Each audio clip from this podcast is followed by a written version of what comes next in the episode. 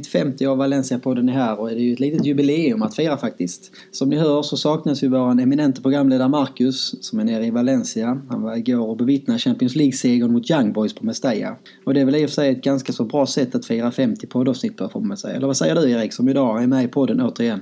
Ja, det får man väl säga. Avsnitt 100 får väl spelas in på Manolos bar där utanför Mestalla. ja, det går lite som att ströla i det faktiskt. Det får vi nog spana på. Vi har ju lite tid på oss att kunna styra upp det i så fall. Precis. Eh, vi har två matcher att snacka ner och en match att snacka upp så vi tänkte vi skippar lite nyhetssvepet idag faktiskt. Eh, det finns inte så mycket nyheter heller att prata om. De flesta nyheterna kretsar omkring matcherna så att vi kommer komma in på det så småningom ändå.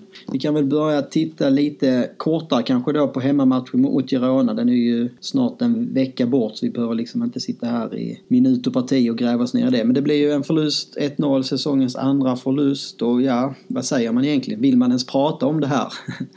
jag kan väl känna att å ena sidan så var det liksom mycket av samma som vi sett innan där offensiven sviker, man skapar målchanser på målchanser, man gör inte mål. Eh, samtidigt så kan det kanske ändå kännas som att det här var ändå en match som man, liksom, om man bara bortser från resultatet, vilket man inte kan göra, men om man skulle göra det så finns det ju mycket rätt. Man har bra inställning, man kommer till målchanserna i alla fall och släpper till väldigt få bakåt. Men det är ju den här oförmågan att göra mål som och då kanske en målvakt som gör sitt livs match som, som straffar laget då normalt sett ska man vinna det här med 3-0. Men vi fick ju också se de vita näsdukarna tillbaka på Mestalla de har vi väl inte sett sedan Gary Nevilles dagar. Ja, vad säger du Erik om den här matchen? Ja, nej men det är ju som du säger att uh, förvalta med sina målchanser så är det här en vinst nio gånger av tio, om inte mer. Ja. Uh, men det här med de vita näsdukarna är ju lite illavarslande. Man vet ju att när de glider fram, de fansen är ju extremt svåra att vinna tillbaka. Och eh, det var ju samma grej med, det var lite annorlunda med Nuno visserligen, men han fick ju upp de vita näsdukarna och även efter en 3-0 vinst i ett hemmaderby mot Levante så blev han utbuad av Mestalla. Och då ja. insåg man att det är svårt att alltså, vinna tillbaks de här fansen som lackat ur lite. Precis, nej, och det var väl, jag tror det var väl Gary Neville som sa det själv också där e- efter han hade fått kicken att ja men när de vita näsdukarna kommer fram då vet man att det är kört liksom. Och det var väl inte, alltså man, man, man ska väl också säga det var ju liksom inte ett enhetligt eh, med Mestalla med 40 000 som liksom skrek eh, Marcelino Vetia och viftade med dem. Men det, det, liksom, det, det, var mer än en person om man säger så. Det, mm. eh, ja, det brukar ligga någonting bakom det på något sätt. Men eh, ja, alltså det, det går att säga mycket om den här egentligen. Eh, Valencia står liksom kvar på sina poäng i ligan. Man halkar allt mer efter toppstriden. Man är laget som har gjort minst mål av alla La Liga-lag faktiskt. Eh, så att det är ju, offensiven är det ju verkligen som man behöver få igång. Eh, Förhoppningsvis, vi hade ju förhoppningar här när vi hade både Guedes och Santimina tillbaka eh, i den här ligamatchen att det skulle liksom vara vändningen. Men det kom inte riktigt. Några andra spelare som du ser Erik som, som du tycker stack ut åt ena eller andra hållet?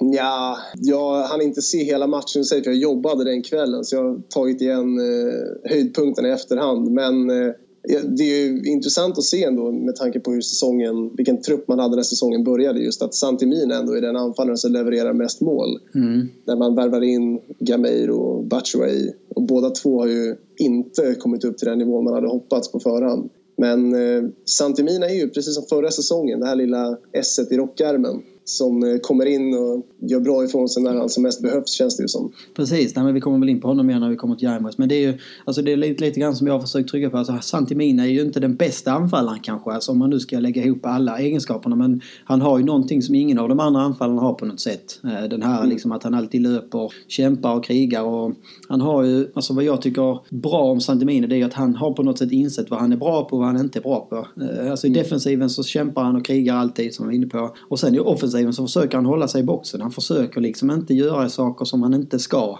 Utan han ska vara inne i boxen och där inne är han ju dödlig när han får lägena liksom. Mm.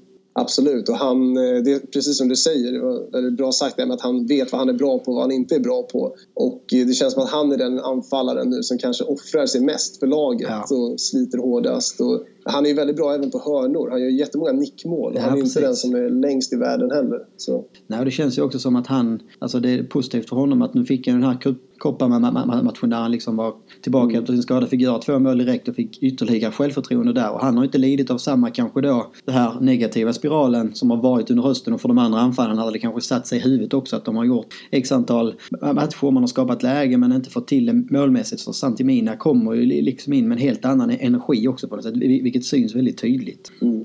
Innan vi stänger Röna kan vi bara konstatera, vi fick se Daniel Wass på höger backen. Eh, Guedes var tillbaka i startelvan och vi fick se ett mittfält utan Parejo. Eh, och det går väl, ja, alltså det, det, det, får väl vara lite fler omgångar kanske innan man ska eh, göra någon djupare analys av Valencia med och utan Parejo. Men det man kan konstatera tycker jag det är att Parejo har haft en väldigt dålig höst. Eh, samtidigt så går det inte att säga att det är tack vare honom som den här krisen, eh, om det nu är en kris, med den här dåliga poängutdelningen. Utan han har väl varit en del av det och en stor del av det. Så jag tror att det är bra både för honom och för laget liksom och att han nu fick vila. Ja, Parejo är ju lite av en svår spelare att analysera ibland. För jag tycker ju att han, han är en kille som har väldigt höga toppar men också ganska djupa dalar. Men samtidigt så är det så att när han är bra så blir laget också bra. Och av någon anledning när han är dålig så går ju laget inte heller så bra.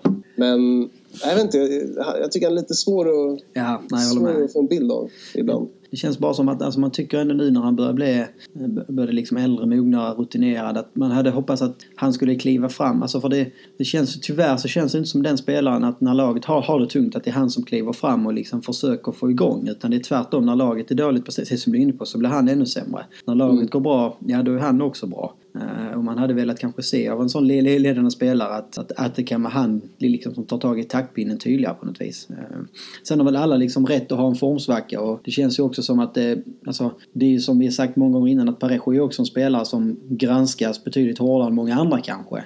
Och det, det, är väl inte omöjligt att det sätter sig liksom på huvudet på honom när han fick en dålig start och det liksom gick dåligt för laget och han är lagkapten och tar på sig kanske då ansvar som vi inte vet eller som man inte ser på något sätt och så låser det sig ännu mer för honom på något vis. Nej precis och han, eh, vad är han nu, han är 28-29 någonting. Det är egentligen nu han borde vara som bäst ja. tycker man. Rent statistiskt brukar mittfältare pika lite i de här åldrarna. Men det är som du säger, alla har väl ändå rätten att dippa lite i formen. Det kanske är det han, det kanske det han gör just nu. Ja, vi får hoppas det. Eh, men vi kan väl gå över till en lite roligare match. Champions League-matchen mot Young Boys eh, igår onsdag på Mestalla. Det blev äntligen en seger hemma på Mestalla. Eh, 3-1, Santimina, tvåmålsskytt återigen och Carlos Soler gjorde det tredje målet. Och det var ju mer eller mindre liksom vinna eller försvinna som gällde på förhand här om Valencia både skulle ha fortsatt liv i Champions League men även vid en förlust igår så hade ju även liksom ett Europa League-äventyr egentligen varit, varit väldigt tufft. Och vad säger du först och främst kanske då om insatsen spelmässigt? Ja, jag vet inte hur mycket den skilde sig från Girona-matchen. Det känns ändå som att Young Boys... Hade Valencia varit som bäst hade det inte varit snack om att förlora. Alltså det, det, hade varit en vinst alla dagar i veckan och det blev ja. en vinst såklart. Men eh, Young Boys var ändå det laget som jag tänkte att Valencia skulle kunna köra över i båda matcherna på förhand. Och det blev inte så på bortaplan, men igår tog man i alla fall tre poäng. Tyvärr så vann ju även United där, ja. vilket gör att det såg ändå lovande ut som att man skulle kunna kanske knalla mot ett avancemang i Champions League. Men nu känns det ändå som att det blir nog Europa League ändå. Precis, nej men det, det var ju lite så, så det kändes ju när man har liksom försökt göra någon analys av gruppen så ju längre det gått så har det känts som att nej, men Juventus tar full pott så länge de behöver. Valencia hade man då kanske kalkylerat in 6 poäng mot Django så att det skulle bli liksom en final på Mestalla i sista omgången mot United där liksom eh, det, det, det stod på spel att komma tvåa i gruppen. Nu, nu försvinner ju den möjligheten på något sätt. Efter Uniteds seger igår så krävs ju... Eh, det, det kommer ju till 99% krävas att eh, Valencia slår både Juventus borta och United hemma för att kunna gå vidare från gruppen. Och det blir ännu retligare den här liksom poängförlusten mot Young Boys borta. För hade man vunnit den eh, så hade det ju mest troligt räckt att bara slå United hemma. Så det, mm, och ja. bara, bara, det är ju egentligen svårt nog. Exakt. Men det känns ändå rimligare att ja. göra det än att slå Juventus borta. Nej, jag håller med. Men jag vet inte, men samtidigt så kan man ju vända på det att kanske är Europa League precis vad vi behöver i år. Ekonomiskt sett så är det självklart mycket sämre än Champions League och såklart så vill man ju också alltid vara med och tävla eh, med de största och i de största turneringarna. Men, men sportsligt sett så tror jag att det finns en betydligt bättre chans till en titel. Och det är någonting som den här klubben liksom kanske behöver nu efter år av liksom botten-ökenvandring. Eh, eh, så är det väl en titel. Eh, och det är kanske också, så som det ser ut i ligan nu, så kanske det också är den bästa möjligheten som finns för att kunna säkra Champions League-spel nästa säsong. Ja, jag, jag håller verkligen med. Jag, och jag tycker nästan att Europa League känns mer spännande nu. Det finns lite hopp eh, om man skulle gå vidare till eh, slutspelet där Eftersom i Champions League känns det som att man hade ändå åkt ut första ja. rundan. Ja, men det... Jag se Valencia gå långt. Precis, Nej, men det var lite det som jag... Alltså jag spelar hellre en final i Europa League än åker ut i en kvartsfinal i Champions League mot eh, Manchester City eller någonting. För det känns som, alltså även om vi nu Alltså, ska man vara helt ärlig så tror jag inte att Valencia i år skulle kunna utmana liksom, även om man skulle få en bra lott så är det för många lag som är liksom ett par nivåer bättre än Valencia just nu. Så att det känns som man hade kunnat skrälla sig fram till en kvarts, möjligtvis en semi, men man, jag tror aldrig man hade kunnat gå hela vägen till en final. Sen är det klart, ska man bara kolla på ekonomin så kanske det ändå hade varit bättre, men jag, jag, det känns liksom som klubben, fansen och allting eh, för att liksom bygga vidare på att nu vändningen har kommit så tror jag hellre att en framgång i Europa League skulle göra bättre på, på lite längre sikt också. Mm, det tror jag absolut. Och rent ekonomiskt känns det ändå som att av de pengarna som Valencia kan inkassera genom Champions League tror jag redan att man har fått in 90% av det som man skulle kunna få i år bara genom att man gick till gruppspelet. Ja, jag håller med. Alltså, jag tror heller inte att man har vågat budgetera för mer än kanske eh, det här som du är inne på att i, i, i gruppspelet och sen så allt utöver det är en bonus. Att, menar, och tar man sig till final i Europa League så borde det inte vara superstor skillnad jämfört med om man åker ut i åttondel i Champions League för det blir många omgångar och både liksom Uefa-pengarna men också sälja ut Mestalla i x antal ma ma ma matcher fler i Europa League. Så. Men vi får väl se, det är inte helt kört än så vi ska väl inte ge ut men eh, det känns ju ganska tufft att åka ner till eh, Turin nu och vara piskade och vinna där. Och framförallt så kan jag tänka mig att det är ett Juventus som kommer att vara super revanschsuget efter att ha förlorat sin första hemmamatch i Europa på många år. Ja, precis. Jag känner lite nu som för Sverige nu i VM där när eh, allt hängde på att Korea skulle vinna mot Tyskland i princip. Som att ja plocka poäng, men det kommer de inte göra. Så Valencia, nej. Det blir nog Europa League de Ja, det känns nog tufft. Eh, kan väl hoppas att det ändå blir en bra avslutningsmatch på Mestalla mot United. Och det vore liksom, även om man inte tar sig vidare från gruppen så är det ju ändå en fin fjäder i hatten att slå eh, Mourinho och United på, på Mestalla och ta med sig liksom det självförtroendet till Europa League. Men vi kan väl kolla lite mer på matchen igår. Eh, kollar man på startelvan så var det väl, jag vet inte om det är första gången i år, men det var ju samma startelva två omgångar i rad. Eh, inga rotationer, seger och ett fall framåt. Och det kanske, man kan hoppas här nu att Marcelino på något sätt tar med sig det här att man behöver, alltså jag förstår att man över en hel säsong behöver rotera ibland. Men vi har ju varit inne på att en del i att man inte kommit igång i höst har varit att man har roterat lite överdrivet. Jag vet inte om du håller med? Jo, absolut, det kan jag köpa. Eh, det har nästan känts lite väl obefogat ibland ja. hur han har roterat. Men eh, ja, det är kul att se ändå att det kan få effekter av att ha lite kontinuitet i startelvan som man hade nu. Ja. Sen så går det såklart inte, när man ska diskutera en sån här match, går det inte att komma ifrån Santimina såklart som gör två mål och ett stort jobb. Eh, hans målhunger och hjärta är tillbaka. och Det var väl lite grann som du var inne på här i början också att kollar man på anfallsbesättningen så har vi en Rodrigo som blivit liksom spanska lagets självklara nummer nio, eller i alla fall eh, självklar i landslaget. Eh, så han blir uttagen idag igen. Eh, då en Batshuayi som i somras värvade som den stora stjärnvärvningen. Och då betalar man samtidigt 18 miljoner euro för Gamiro som skulle säkra målen framåt. Och ändå så är det då Santiago Lorenzo Mina som är den som levererar. Ja, och eh, det känns väl på något sätt som att man tappade en dimension kanske inte i sitt spel, men i sitt hot framåt när eh, Simone Sasa skeppades iväg. Och det var egentligen inte det att han, han var den anfallaren som dominerade spelmässigt och det vet vi alla. Däremot så känns det som att han var en sån irritation mot motståndarnas backlinje som kanske bara Santimina är den idag som på något sätt lever upp till. Att han stångas och kör på ganska hårt där framme. Eh, jag vet inte om det kan vara något som ändå påverkat offensiven en del. Nej, men jag tror du är inne på något. Vi kan väl hålla oss kvar där vid Sasa lite. För jag menar, jag kunde känna i början av säsongen när det inte gick som skulle att en del lite grann romantiserade bilden av Sasa på ett sätt. För, alltså framförallt målmässigt. För att de målen han gjorde, han gjorde väl 95% av sina mål i fjol på hösten. Han var inne i en sjuk period där, där han gjorde liksom... Alla förstod väl egentligen att så som han spelade då, det var liksom över hans nivå. Alltså han var inne i den här zonen så att säga. Och sen så kom det våren där, där det blev betydligt mindre mål. Men det, det, det som egentligen förvånar mig det är ju att när man väl bestämt sig för att inte behålla Sasa, att man då inte värvar in en anfallare. Att man då, alltså, Batshuayi och Gamero är så olika anfallare mot det Sasa var och att man, man kanske underskattade betydelsen av att ha en Sas eller en Santimina vid sidan om Rodrigo till exempel. För det märks ju att Rodrigo lider ju också av att spela med Batshuayi eller Gamero som då spelar mer för sig själva och är mer liksom ute efter att göra målen på något sätt än att vara lagspelaren och göra spelarna runt omkring sig bättre. Det är ju det är där Santimina och Sasas styrkor ligger på på något sätt. Att man är som du säger det här lilla irritationsmomentet. Man löper hela tiden. Alltså backlinjen vet aldrig riktigt var man har dem. Man, man går in och backcheckar och, och alla de här sakerna. Så att det, ja, alltså kanske underskattar man ändå även om man, man nu trodde på att Batshuayi och Gamero var bättre målskyttar ändå än Simone Sasso över en hel, hel säsong. Så underskattar man kanske betydelsen av liksom allt det andra än själva målskyttet. Mm, precis, det stämmer. För rent fotbollsmässigt tycker jag att Gamero och Batshuayi är bättre än Sasa. Jag tycker inte det är något snack om det. Däremot, eh, ja, det kanske var just det här irritationsmomentet som Valencia behöver just nu. Även om jag ja, rent långsiktigt inte tror att Sasa är den anfallaren som Valencia vill ha. Och uppenbarligen vill de inte det för att de skickade iväg honom. Ja. Men samtidigt finns det ju mindre klubbar som spelar med liknande strikers på topp som ändå kan göra mål. Så jag, det känns ändå som att det finns problem som är mer djupt rotade än kanske de här ytliga när man bara tittar på vilka anfallare som startar i grund och botten. Precis, nej men det blir kanske för mycket alltså, det blir för många typer på något sätt med, med Rodrigo, Batshuayi och Gamero som alla vill vara kanske den här första anfallaren. Eh, det är egentligen bara Santimina som tar det här, om man nu ska kalla det så, prestigelösa arbetet liksom. Eh, så så det, ja, det visar väl sig nu liksom. Men sen är jag helt inne på, alltså ska man bara kolla som spelare hur de enskilt så är, har ju nog i alla fall Batshuayi så att säga, alltså fler verktyg i sin låda än vad Sasa har.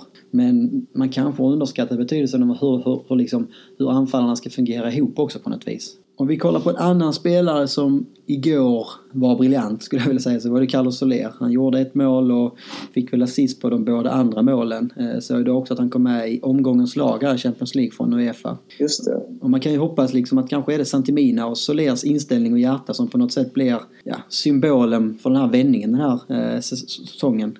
Ja, båda två. Även om Santimina då inte är skolad i grund och botten i Valencia så känns han ju som en egenfostrad spelare. Ja, jag med. Ja. Där ett tag. Ja. Så det är de två som är lite av liksom, bultande hjärtat just nu. Och eh, det kan väl vara all idé att ge dem chansen en del nu när de ändå spelar så pass bra som de gör. Ja, det känns ju så. Carlos Soler, alltså på något sätt vet jag inte om han liksom får eller tar mer plats här nu också när, när inte Parejo är på plats på något vis. Eh, alltså det är många av hans, man börjar känna igen honom mer och mer från liksom förra säsongen där han börjar göra mer och mer poäng också och man får ett helt annat hot. Och kanske är det också att man då har en Guedes på andra kanten som gör att eh, motståndarna så att säga har fullt upp med, med att täcka båda kanterna på något sätt. När man spelat med en, en vass på andra kanten så blir det kanske mindre ytor för Soler på något sätt. Jag vet inte men det känns som att han har växt också här de sista, sista omgångarna. Och är vi inne på högerkanten så kan man väl då bara prata lite kort om Daniel Vass. Han fick chansen som högerback igår igen, två omgångar i rad här. Och jag tycker faktiskt att han växer som högerback. Han har ju mycket kvar att lära sig i defensiven. Ehm, jag tyckte man såg att Young Boys ofta sökte inlägg på bortre ytan mot vass kant och där hade han ibland problem med sitt eh, framförallt kanske positionsspel och markeringsspel. Ehm, men i offensiven så blir det en helt annan dimension och passningsspelare på något sätt även om han ibland kändes rätt slarvig på, eh, ja, både på hörnor och frisparkar och i sitt eh, passningsspel. Eh, men vad tycker du? Han är det bästa alternativet som högerback vi har nu eller ser du Piccini eller Bese gå före? Ja, jag tänker väl ändå att just nu känns ändå Vass lite hetare och eh, om man då tittar på ifall man skulle spela honom som yttermittfältare istället så känns det ju som att han inte är lika djupåtlöpande som Gamero till exempel. Och, eh, jag vet inte, det känns ändå som att han kan få ut en del av att vara lite mer spelmässigt involverad i backlinjen för han är ju en skicklig boll, alltså bollrullare och ja. har en bra passningsfot och inläggsfot och allt sånt där. Så jag tror ändå att han eh, ja, men får han till defensiven lite mer, drillas lite mer av Marcelino så borde han ändå kunna göra bra ifrån sig under säsongen som högerback. Ja, det är skönt att kunna ha...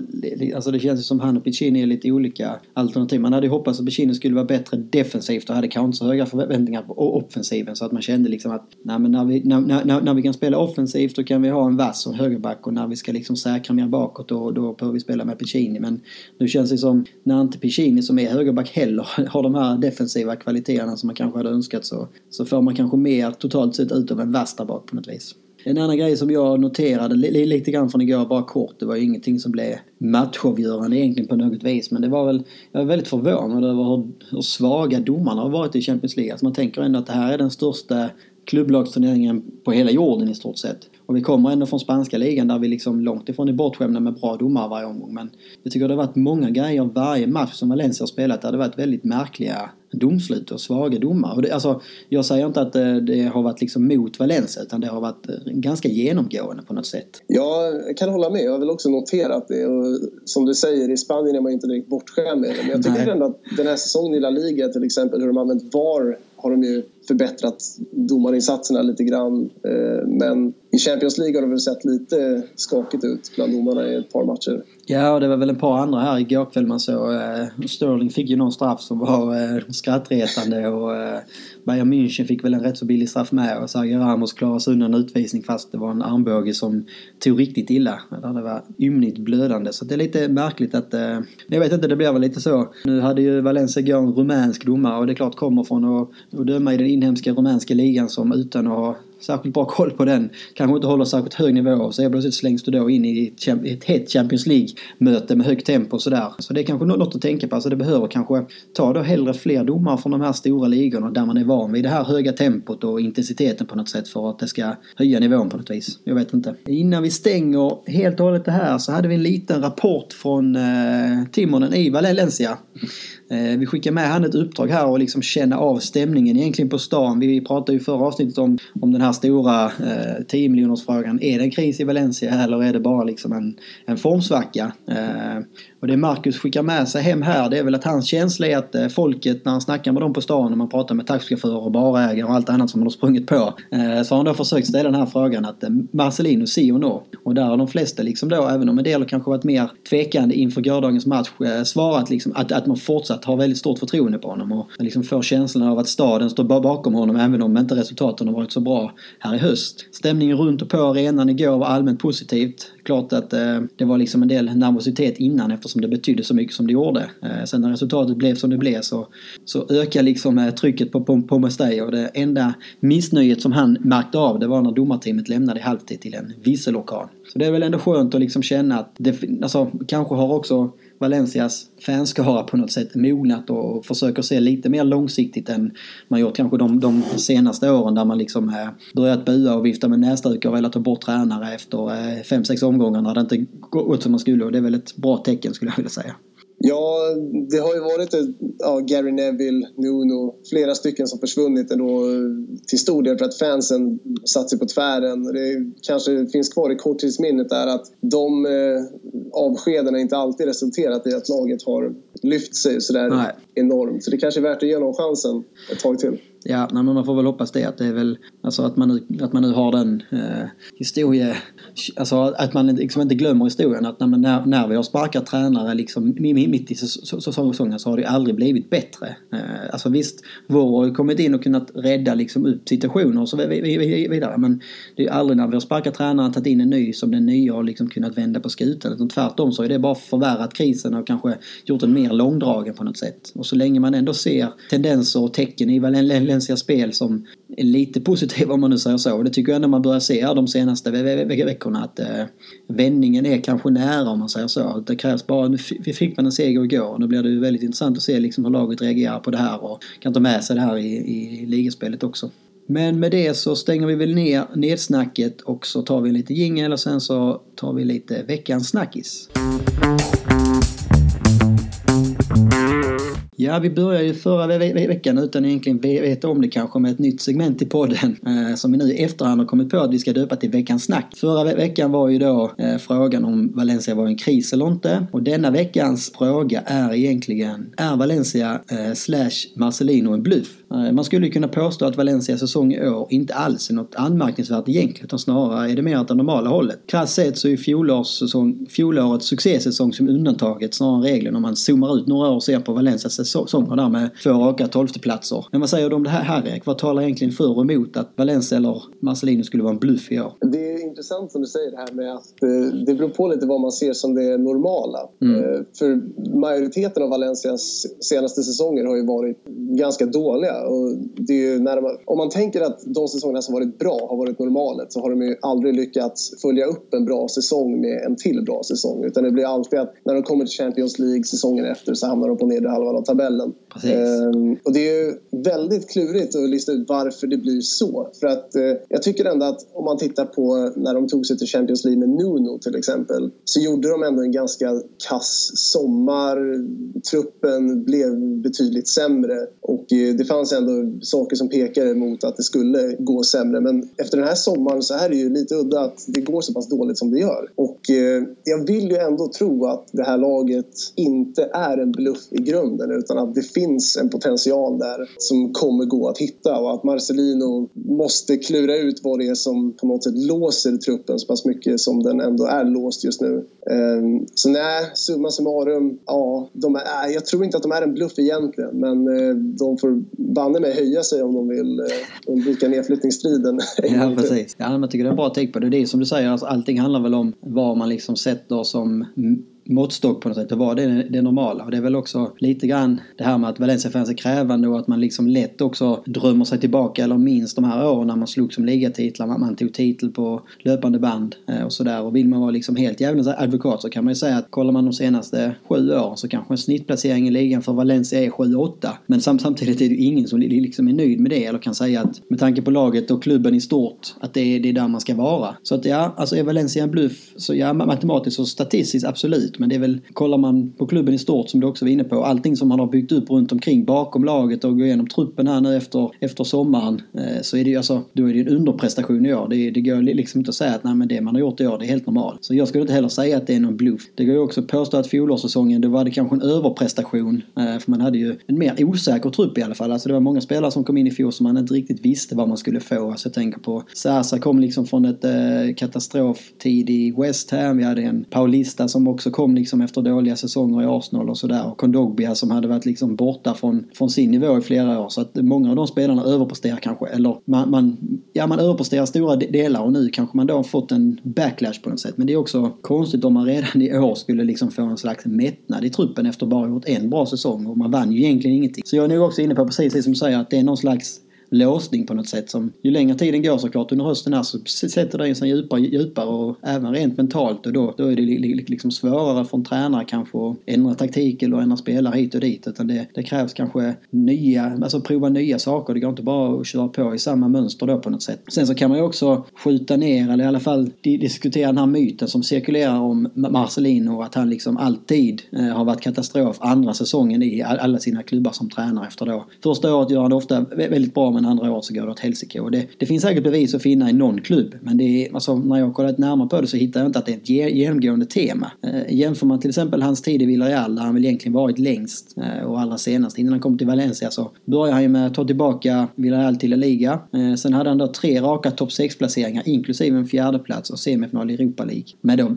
betydligt mindre resurser än i Valencia. Så man, man, kan säga mycket om Marcelino och han har liksom, jag vill inte säga att han är den perfekta tränaren i världen men Eh, man, man, man, ska liksom heller inte förvanska fakta på något sätt. Så jag tror att tålamod är nyckeln här. Sen så ska man heller inte säga att man ska ha tålamod till dess förbannelse utan jag skulle säga ge, ge, ge laget och kanske då Marcelino främst på sig fram till jul. Förhoppningsvis så är det som så att man haft lite stolpe ut och liksom mentalt är självförtroendet på botten. Men är det bara det att det är liksom en formsvacka, ja men då kommer det ju vända förr eller senare. Men är, är det inte en formsvacka utan det liksom sitter djupare än så, ja då kanske det liksom är en ny sheriff i stan som behövs efter nyår. Ska vi ta tre spaningar med Erik? Du fick ett litet uppdrag här inför podden Erik och eh, kika på tre saker eller tre spaningar som du har sett i Valencia under hösten. Yes, och jag har gjort min hemläxa. Ja, bra. Och, eh, de eh, tre grejerna som jag... Ja, en, en spaning gäller då Batshuayi och det är väl, ja, jag vet inte om man kan kalla det spaning riktigt, men det var ju nu i, tror jag, i början av oktober när han eh, gick ut och sa det att han inte har som intention att stanna kvar i Valencia. Han vill inte göra lånet permanent utan han vill tillbaks till Chelsea så småningom. Och jag tycker bara i allmänhet att spelare som är på lån, de ska bara hålla tyst om sånt där. Mm. Det finns inget att vinna på det. Jag menar, man utgår väl alltid lite ifrån att det finns en chans att de vill tillbaks Och att då gå ut och säga att det är det jag vill göra, jag menar, det förstör ju Valencias chanser till att värva honom uppenbarligen. Eh, och eh, fansens... Eh, man vill ju kunna gå och drömma lite om att kunna ja. behålla en sån kille ifall det går bra. Och kanske framförallt, framförallt i ett läge där det heller inte gått så bra i den, alltså när han inte gått, alltså varken han själv eller laget liksom presterat i, i höst så kanske det heller liksom inte är superbra timing att, att prata liksom om vad han vill göra kommande år utan fokusera på det det gör idag. Sen så, vad det blir sen får man ju se liksom. Ja, precis. Han gick ut sen och gjorde någon form av ursäkt på Twitter tror jag och sa att han är 100% eller 1000% fokuserad i Valencia eller vad han nu skrev. Ja. Men nej, jag tycker ändå att eh, det där får man hålla i huvudet. Ja, nej, jag tycker det är en bra spaning. Jag börjar känna också omkring Batshuayi det börjar bli liksom, alltså i början så var det lite kul med alla de här grejerna. Så han hade lite uttalanden som stack ut ibland. Alltså han var inte alltid liksom den här medietränade och det var liksom på hans sociala medier och sådär. Men det, alltså det börjar mer och mer kännas lite, alltså det blir lite clownaktigt på något sätt. Alltså framförallt då när han inte presterar på planen. Alltså du, du kan vara en Zlatan utanför på sociala medier när du presterar. Men om du inte presterar och ändå försöker vara liksom den här, här, här clownen så blir det, nej jag vet inte. Det blir lite fad smak i munnen på något sätt. Ja, jag håller verkligen med. Det, det håller jag med om. Jag har ju en till spaning då och det ja. gäller, eh, eller förhoppning ska man väl kunna säga, men det är Ferran Torres då, ytten. Just det. Som, eh, jag tycker det är bra att han ändå får spela lite. Nu har det inte varit, han har absolut inte varit en fast startpjäs på något sätt. Men eh, jag, vill, jag vill ju fortsatt se mer av honom. Det känns som att det kan vara en rätt bra investering för framtiden. Och eh, det påminner lite om säsongen 2007-2008 när eh, Juan Mata slog igenom. Ah. Eh, och fick spela en hel del trots att laget gick väldigt, väldigt dåligt med Ronald Koeman där. Ah, eh, svor jag i kyrkan, det var inte meningen. men eh, det gick ju inte bra för laget men Mata fick ju ändå förtroende och det visade sig att det var ju det bästa man gjorde den säsongen i princip. Eh, för han blev ju otroligt viktig de kommande säsongerna därefter. Och eh, jag vet inte, jag, tycker ändå att det kan vara värt nu att eh, ge honom chansen. Jag tyckte han såg ganska pigg ut när han blev inbytt mot eh, Young Boys. Och jag tror att det, det finns eh, mycket potential att plocka ut från den killen. Ja, men bra spaning. Jag tycker jag håller helt med. med. Alltså det så tycker jag också att med honom så får man, alltså, även om, precis som du säger, han långt ifrån är en färdig spelare, så får man alltid någon slags energi energi, du får löpningar, du får liksom en helt annan vilja och inställning med honom på planen även om eh, det inte alltid blir rätt så att säga. Och jag ser ju hellre liksom, alltså det var ungefär som man pratade om mycket i fjol att man såg ju liksom hellre en Ferran Torres eller någon annan egen yngre spelare få chansen eh, än till exempel då Andreas Pereira som om inte de här inlånade liksom invarvade spelarna lyckas så nej men, håll inte kvar liksom vid dem för länge utan släpp då hellre fram de här talangerna så att det, det liksom bygger för framtiden. Mm, nej, det håller jag absolut med om. Och eh, jag tänkte nu när vi ändå ändå inne på kanterna så är en ganska fin brygga över till den tredje och sista ja, punkten här. Och då är det ju Gonzalo Guedes och beroendet av honom som eh, man ändå har just nu. För att det är få spelare, det kanske inte är någon som egentligen har eh, samma gnista som han kan bidra med på planen. Det är inte riktigt någon som uttrycker sig lika, eh, likadant som, som han gör. Jag menar, det finns visserligen eh, Rodrigo kanske som, som gjorde det förra året. Men jag tycker ändå att Guedes sticker ut på ett sätt som ingen annan spelare gör. Eh, igår fick vi ju se lite av de vibbarna från Carlos Soler mot Young Boys då. Men eh, det är inte alltid att han har varit så pass het som han var där och då. Och det känns som att om Guedes försvinner då kommer ett helt element av Valencias spel tappas. Ja. Och eh, det har man inte riktigt råd med. Framförallt nu har de ändå lagt så pass mycket pengar på honom. Jag menar en, eh, en skada på honom och man har ju kanske inte råd att ersätta honom med någon i vinter heller. Nej. Jag vet inte, det, det är ändå ett beroende som kan vara bra att vara medveten om. att Det, det är klart, det, man ska njuta av honom nu när man har dem. För under flera år har ju Valencia kanske inte haft en sån spelare heller. Men eh, ja, det, Nej, det känns det som att någon på kanten behöver dem mer än bara Guedes. Ja, jag håller med. Det blir ju farligt att bygga allt för mycket, och bli beroende av en spelare. För det, det såg vi ju inte minst här i höstas. Eh, sen kan man ju aldrig veta liksom hur mycket det berodde på att Guedes spelade eller inte. Men många vill ju få det till att en stor anledning till att det liksom har gått så hackigt som det gjort i höst i offensiven då framförallt har liksom varit att man saknat, saknat Guedes eller den, den spelartypen. Och han är väl kanske en av de få i truppen liksom som kan avgöra en match på egen hand. Alltså som kan ta bollen och göra saker på, själv som ingen annan kan kan och eh, med hans snabbhet i omställningsspelet och så här som vi såg prov på många, många gånger i fjol. Så det är ju, alltså jag håller med dig, det är liksom en tuff balansgång. på ena sidan så är det ju den här typen av nyckelspelare eh, som man behöver för att kunna bli det här topplaget. Alltså man ser Barca är väl lika beroende av en eh, Leo Messi till exempel. Och de flesta storklubbarna har ju någon, någon liksom stjärnspelare som, som är tunga på vågen när det liksom står och väger en match och sådär. Eh, men samtidigt på längre sikt om Valencia ska vara ett stabilt topp 4-lag i ligan till att börja med så, så behöver man ju se till att inte glappet mellan liksom med Guedes eller utan Guedes är så stort som det känns idag. Ja, det kanske känns värre just den här säsongen nu när det inte går så bra för laget heller. Förra året kändes det ändå som att det fanns en alltså, grundnivå där som, där man ändå skulle kunna klara sig utan honom. Men det känns inte som att den finns nu direkt. Nej, jag håller med. Men det går alltså, kollar man lite på fjolåret, Guedes var ju liksom bäst under hösten. Då gick det bäst för laget på något sätt. Och man var inne på innan också det här med att, eh, alltså jag tror, även om inte Guedes gör målen eller assisten själv så tror jag att bara han på planen och när han liksom är i form skapar ytor till många av de andra på något sätt. För att det blir, alltså nu vet ju lagen också om vem, vem Gonzalo Guedes är så att säga. Så det blir ju lätt mycket fokus på honom. Och då kan man liksom kanske få att Rodrigo Santimina får eh, någon, någon sekund extra i straffområdet eller någon liksom yta som öppnas upp när, när försvararna försöker liksom mer täcka av Guedes på något sätt. Så visst är han otroligt viktig men och det blir väl för hans skull också så är det väl bra om övriga offensiva spelare kommer igång för att då, då blir det också svårt. Nu är det liksom så det känns som många lag går in liksom för att eh, stänga av Guedes på något sätt för man vet att det är han som är det stora hotet och kanske var det lite det därför som en kallar Soler fick så mycket ytor och kunde liksom excellera som han gjorde igår. Det var väl tre, tre intressanta och spännande spaningar där Erik. Så får vi se eh, fortsättning följer så vill vi göra en uppföljning på de här tre, tre spelarna kanske lite senare i, i vår och se om de har, vilket håll de har utvecklats åt. Ja, absolut. Vi tar en liten jingel på det och sen så rundar vi av på det med att snacka lite inför eh, kommande ligamatch mot Getafe.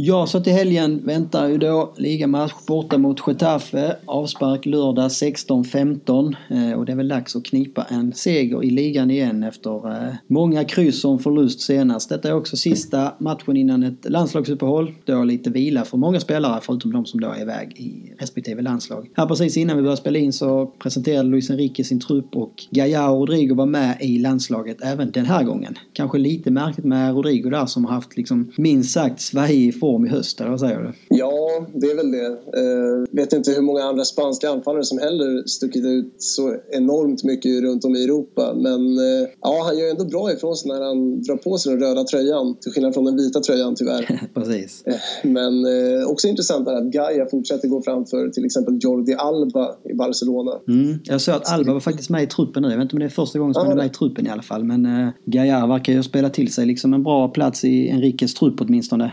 och han har ju alltså, han har ju kanske varit en av de jämnaste och bästa spelarna i Valencia höst också. Så han är ju, det är ju en välförtjänt plats för honom på något vis. Och sen vet jag inte om Rodrigo kanske glider med på grund av att Aspas och Morata var väl med här och de har väl, Morata gjorde väl två mål senast i Chelsea och Aspas fortsätter ju leverera i Celta så det är väl mer att det kanske inte finns någon, någon tredje anfallare som har haft en bra höst. Diego Costa har väl inte varit som han var förr om man säger så. Eh, Nej, precis. Så Nej, det... det är ju de tre som ändå, ja nu har inte Rodrigo som sagt spelat så mycket mycket bättre men äh, det känns väl ändå som att den trion ändå är ganska rimlig att ha med i landslaget. Och, ja, nej, det är väl, kan väl hoppas att det blir lite att um, Rodrigo får lite självförtroende av det här och liksom fortfarande är med i landslaget och får lite miljöombyte och förhoppningsvis så kan han väl då få lite speltid och kanske göra någon bra landskamp här, kanske göra något mål. Man ska ju spela mot Kroatien och Bosnien. Ta med sig det och komma tillbaka till klubblaget med det. Det tycker, det, tycker man har sett. Eh, det såg man ju på Gaia, kände jag i alla fall, när han liksom blev uttagen här tidigare höstas och fick eh, speltid i den ena tror i alla fall. Att efter det så har han ju höjt sig på något sätt. Att det liksom, han tar det på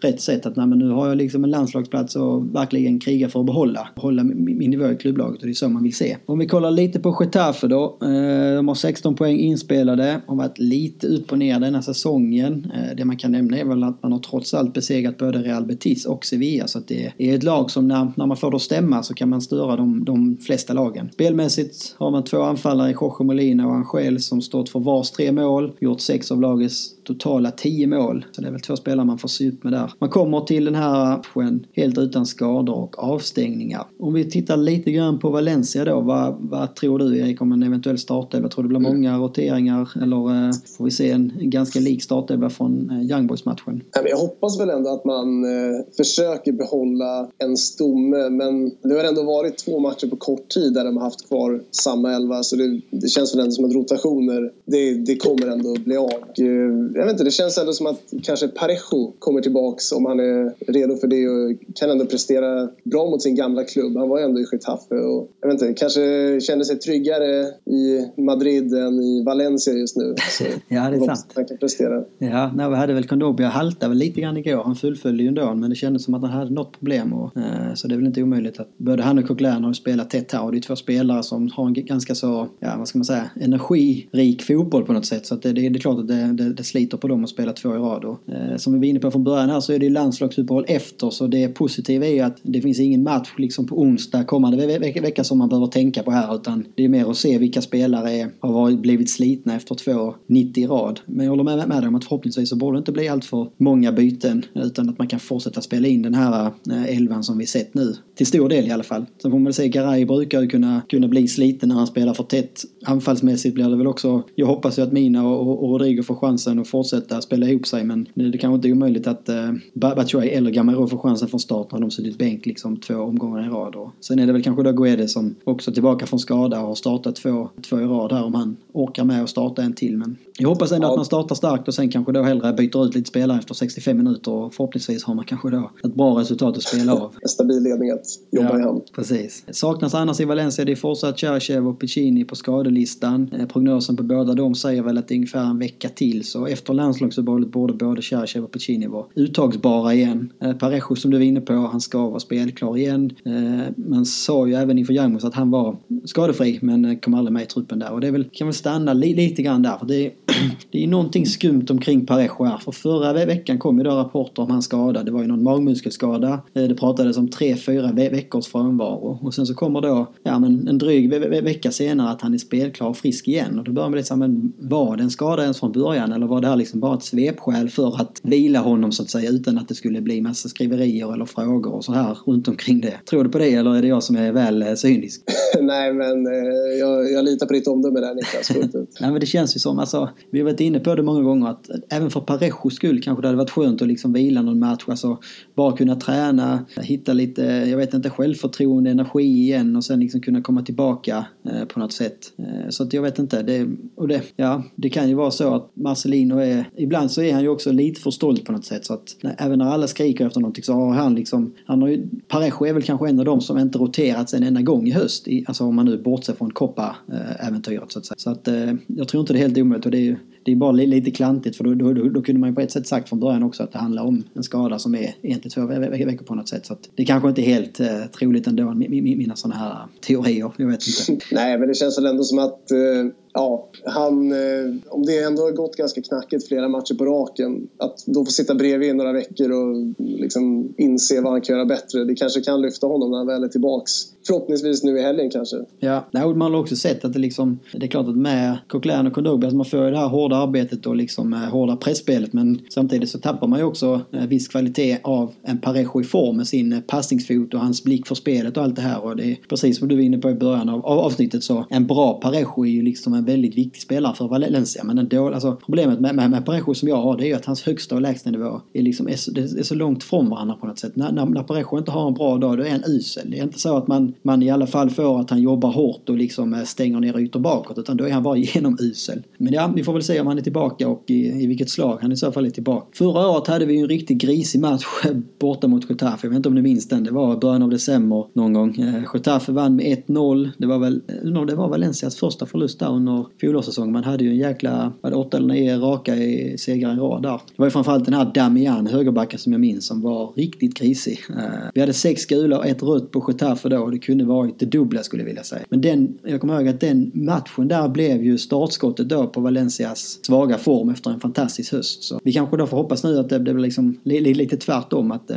en grisseger mot Getafe blir liksom vändningen från den svaga formen istället. Ja, men någon gång måste det ju vända och eh, det känns som att Getafe borta borde ju vara långt ifrån en omöjlig match att uh, kicka igång en bra formkurva Precis. Så ja, vi får väl hoppas på det. Ja, det hade man fått en pesetas varje gång vi sagt det på den hösten. Girona hemma, det är liksom den perfekta matchen för att få till en vändning liksom. Men vi får aldrig ge oss. Alltså, no no någon gång så kommer ju vändningen. Det är väl fortfarande hyfsat övertygad eller i alla fall tror man ju på det. Så jag vet inte. Nu fick man en seger också här mot Young Boys och lite självförtroende med det kanske. Och förhoppningsvis då att man, man, man kan ta med sig att man gjorde gjorde en bra match mot Girona. Så fortsätter man göra den typen av insatser som man gjorde mot Girona och skapa så mycket chanser, ja men då kommer man vinna matcher framöver. Alltså det är ju mest att eh, risken är liksom att man känner att fan vi gör en skitbra match, vi skapar skitmycket chanser men ändå vi, vi vinner vi inte. Vad fan ska vi göra för att vinna liksom? Så nu är det väl mer kanske rent mentalt att eh, få ihop gruppen. Ja, nej, men när det väl lossnar framåt så tror jag att då kommer poängen börja trilla in också. Så vi får hoppas att det är nu i helgen som eh, anfallarna faktiskt har marginalen på sin sida för en gångs skull. Ja, nej, men kan hoppas lite att det blir någon slags ketchup-effekt liksom. Att när det väl ramlar in ett mål så får man de här skitmålen med sig också på något vis. Eh, det, går inte, det var väl, ja, kanske första målet igår men samtidigt är det en del. Man kunde ju gjort fler mål igår och det är någon omställning i första halvlek som blåses av för frispark och Rodrigo gör ju något mål i första halvlek också som blir avblåst för offside som är väl precis på gränsen känns det som. Så för lite marginaler med sig och en ketchup-effekt framåt så kan man nog liksom bygga upp en, eh, en bra trend framöver tror jag. Ska vi kolla lite grann på vad vi tror resultatmässigt då? Vår eh, scorecast-tävling inför Getafe. Vi kan väl börja med att konstatera att ingen tog poäng förra veckan faktiskt. Det var ingen som hade förlust för Valencia med 1-0 mot Girona hemma på Mestalla. På ett sätt kanske är det ganska skönt att det var ingen som fick in det. Men eh, vi kan väl låta vår eminente gäst Erik få börja. Vad har du för tips inför Getafe Valencia? Ja, alltså magkänslan säger att det kommer inte vara en bländande match spelmässigt men jag tror att det kommer bli en del mål. Och jag tror också att Valencia kommer vinna. Så jag, jag säger nog 2-3 till Valencia. Det köper vi alla dagar i veckan. Har du någon eh, första målskytt också? Jag tänker nog att eh, frågan är om Santemina får starta. Nej, men jag sätter nog Santemina som första målskytten. Han är ju minst sagt den målhetaste anfallaren och spelaren i truppen överlag. Han, det är rätt så kul faktiskt. Han leder ju interna skytteligan eh, med sina fyra mål nu efter bara på två, som han gjort på två omgångar. Så att det, kan han hålla i det snittet så ser det väl bra ut för han att vinna skytteligan. Eh, vi kan börja, då kan jag ju dra. Eh, Marcus har också tippat här med bud. Han tippar 0-2 och Kevin Gamiros som första målskytt. Kanske då att han tror att det blir några rotationer i anfallet och att Gamero startar. Eller så kanske han tror att det kommer vara en seg 0-0 match där Gamero byts in i slutet och gör första målet. Jag tror att det kommer bli en ganska tillknäppt historia. Jag tror att Getafe kommer att göra ungefär som de gjorde i fjol och försöka grisa sig till poäng. Jag tror att Valencia ändå vinner. Man vinner med 2-1 och det är min favorit första målskytt den här säsongen, Guedes, som äntligen får till målskyttet. Som jag sa, inga poäng förra veckan så tabellen är ju densamma med Lasse Popp i topp på 6 poäng. Marcus ligger tvåa på 4, sen så kommer en rad på 3 poäng och eh, längst ner i botten hittar vi mig, men jag har faktiskt en poäng så att jag är inte allra längst ner. Erik, du har heller ingen poäng än tror jag så att eh, du är med där och krigar nej. i bottenregionen. Ja, det känns bra ändå att inte vara helt ensam. Nej, nej, nej men sätter du den här, blir det 3-2 och Santemina gör mål så är det helt plötsligt på en tredje plats så att eh, det svänger snabbt i vår scorecast. Ja, visst. Med det så ska vi väl avrunda dagens avsnitt. Stort tack till dig Erik för att du var med. Du är alltid välkommen tillbaka. Väldigt kul att ha med dig. Ja, tack detsamma. Det var jättekul att vara med. Alltid härligt att få snacka lite Valencia. Ja, visst är det. Och vi avslutar väl sedvanligt med ett hasta luego. Hasta luego.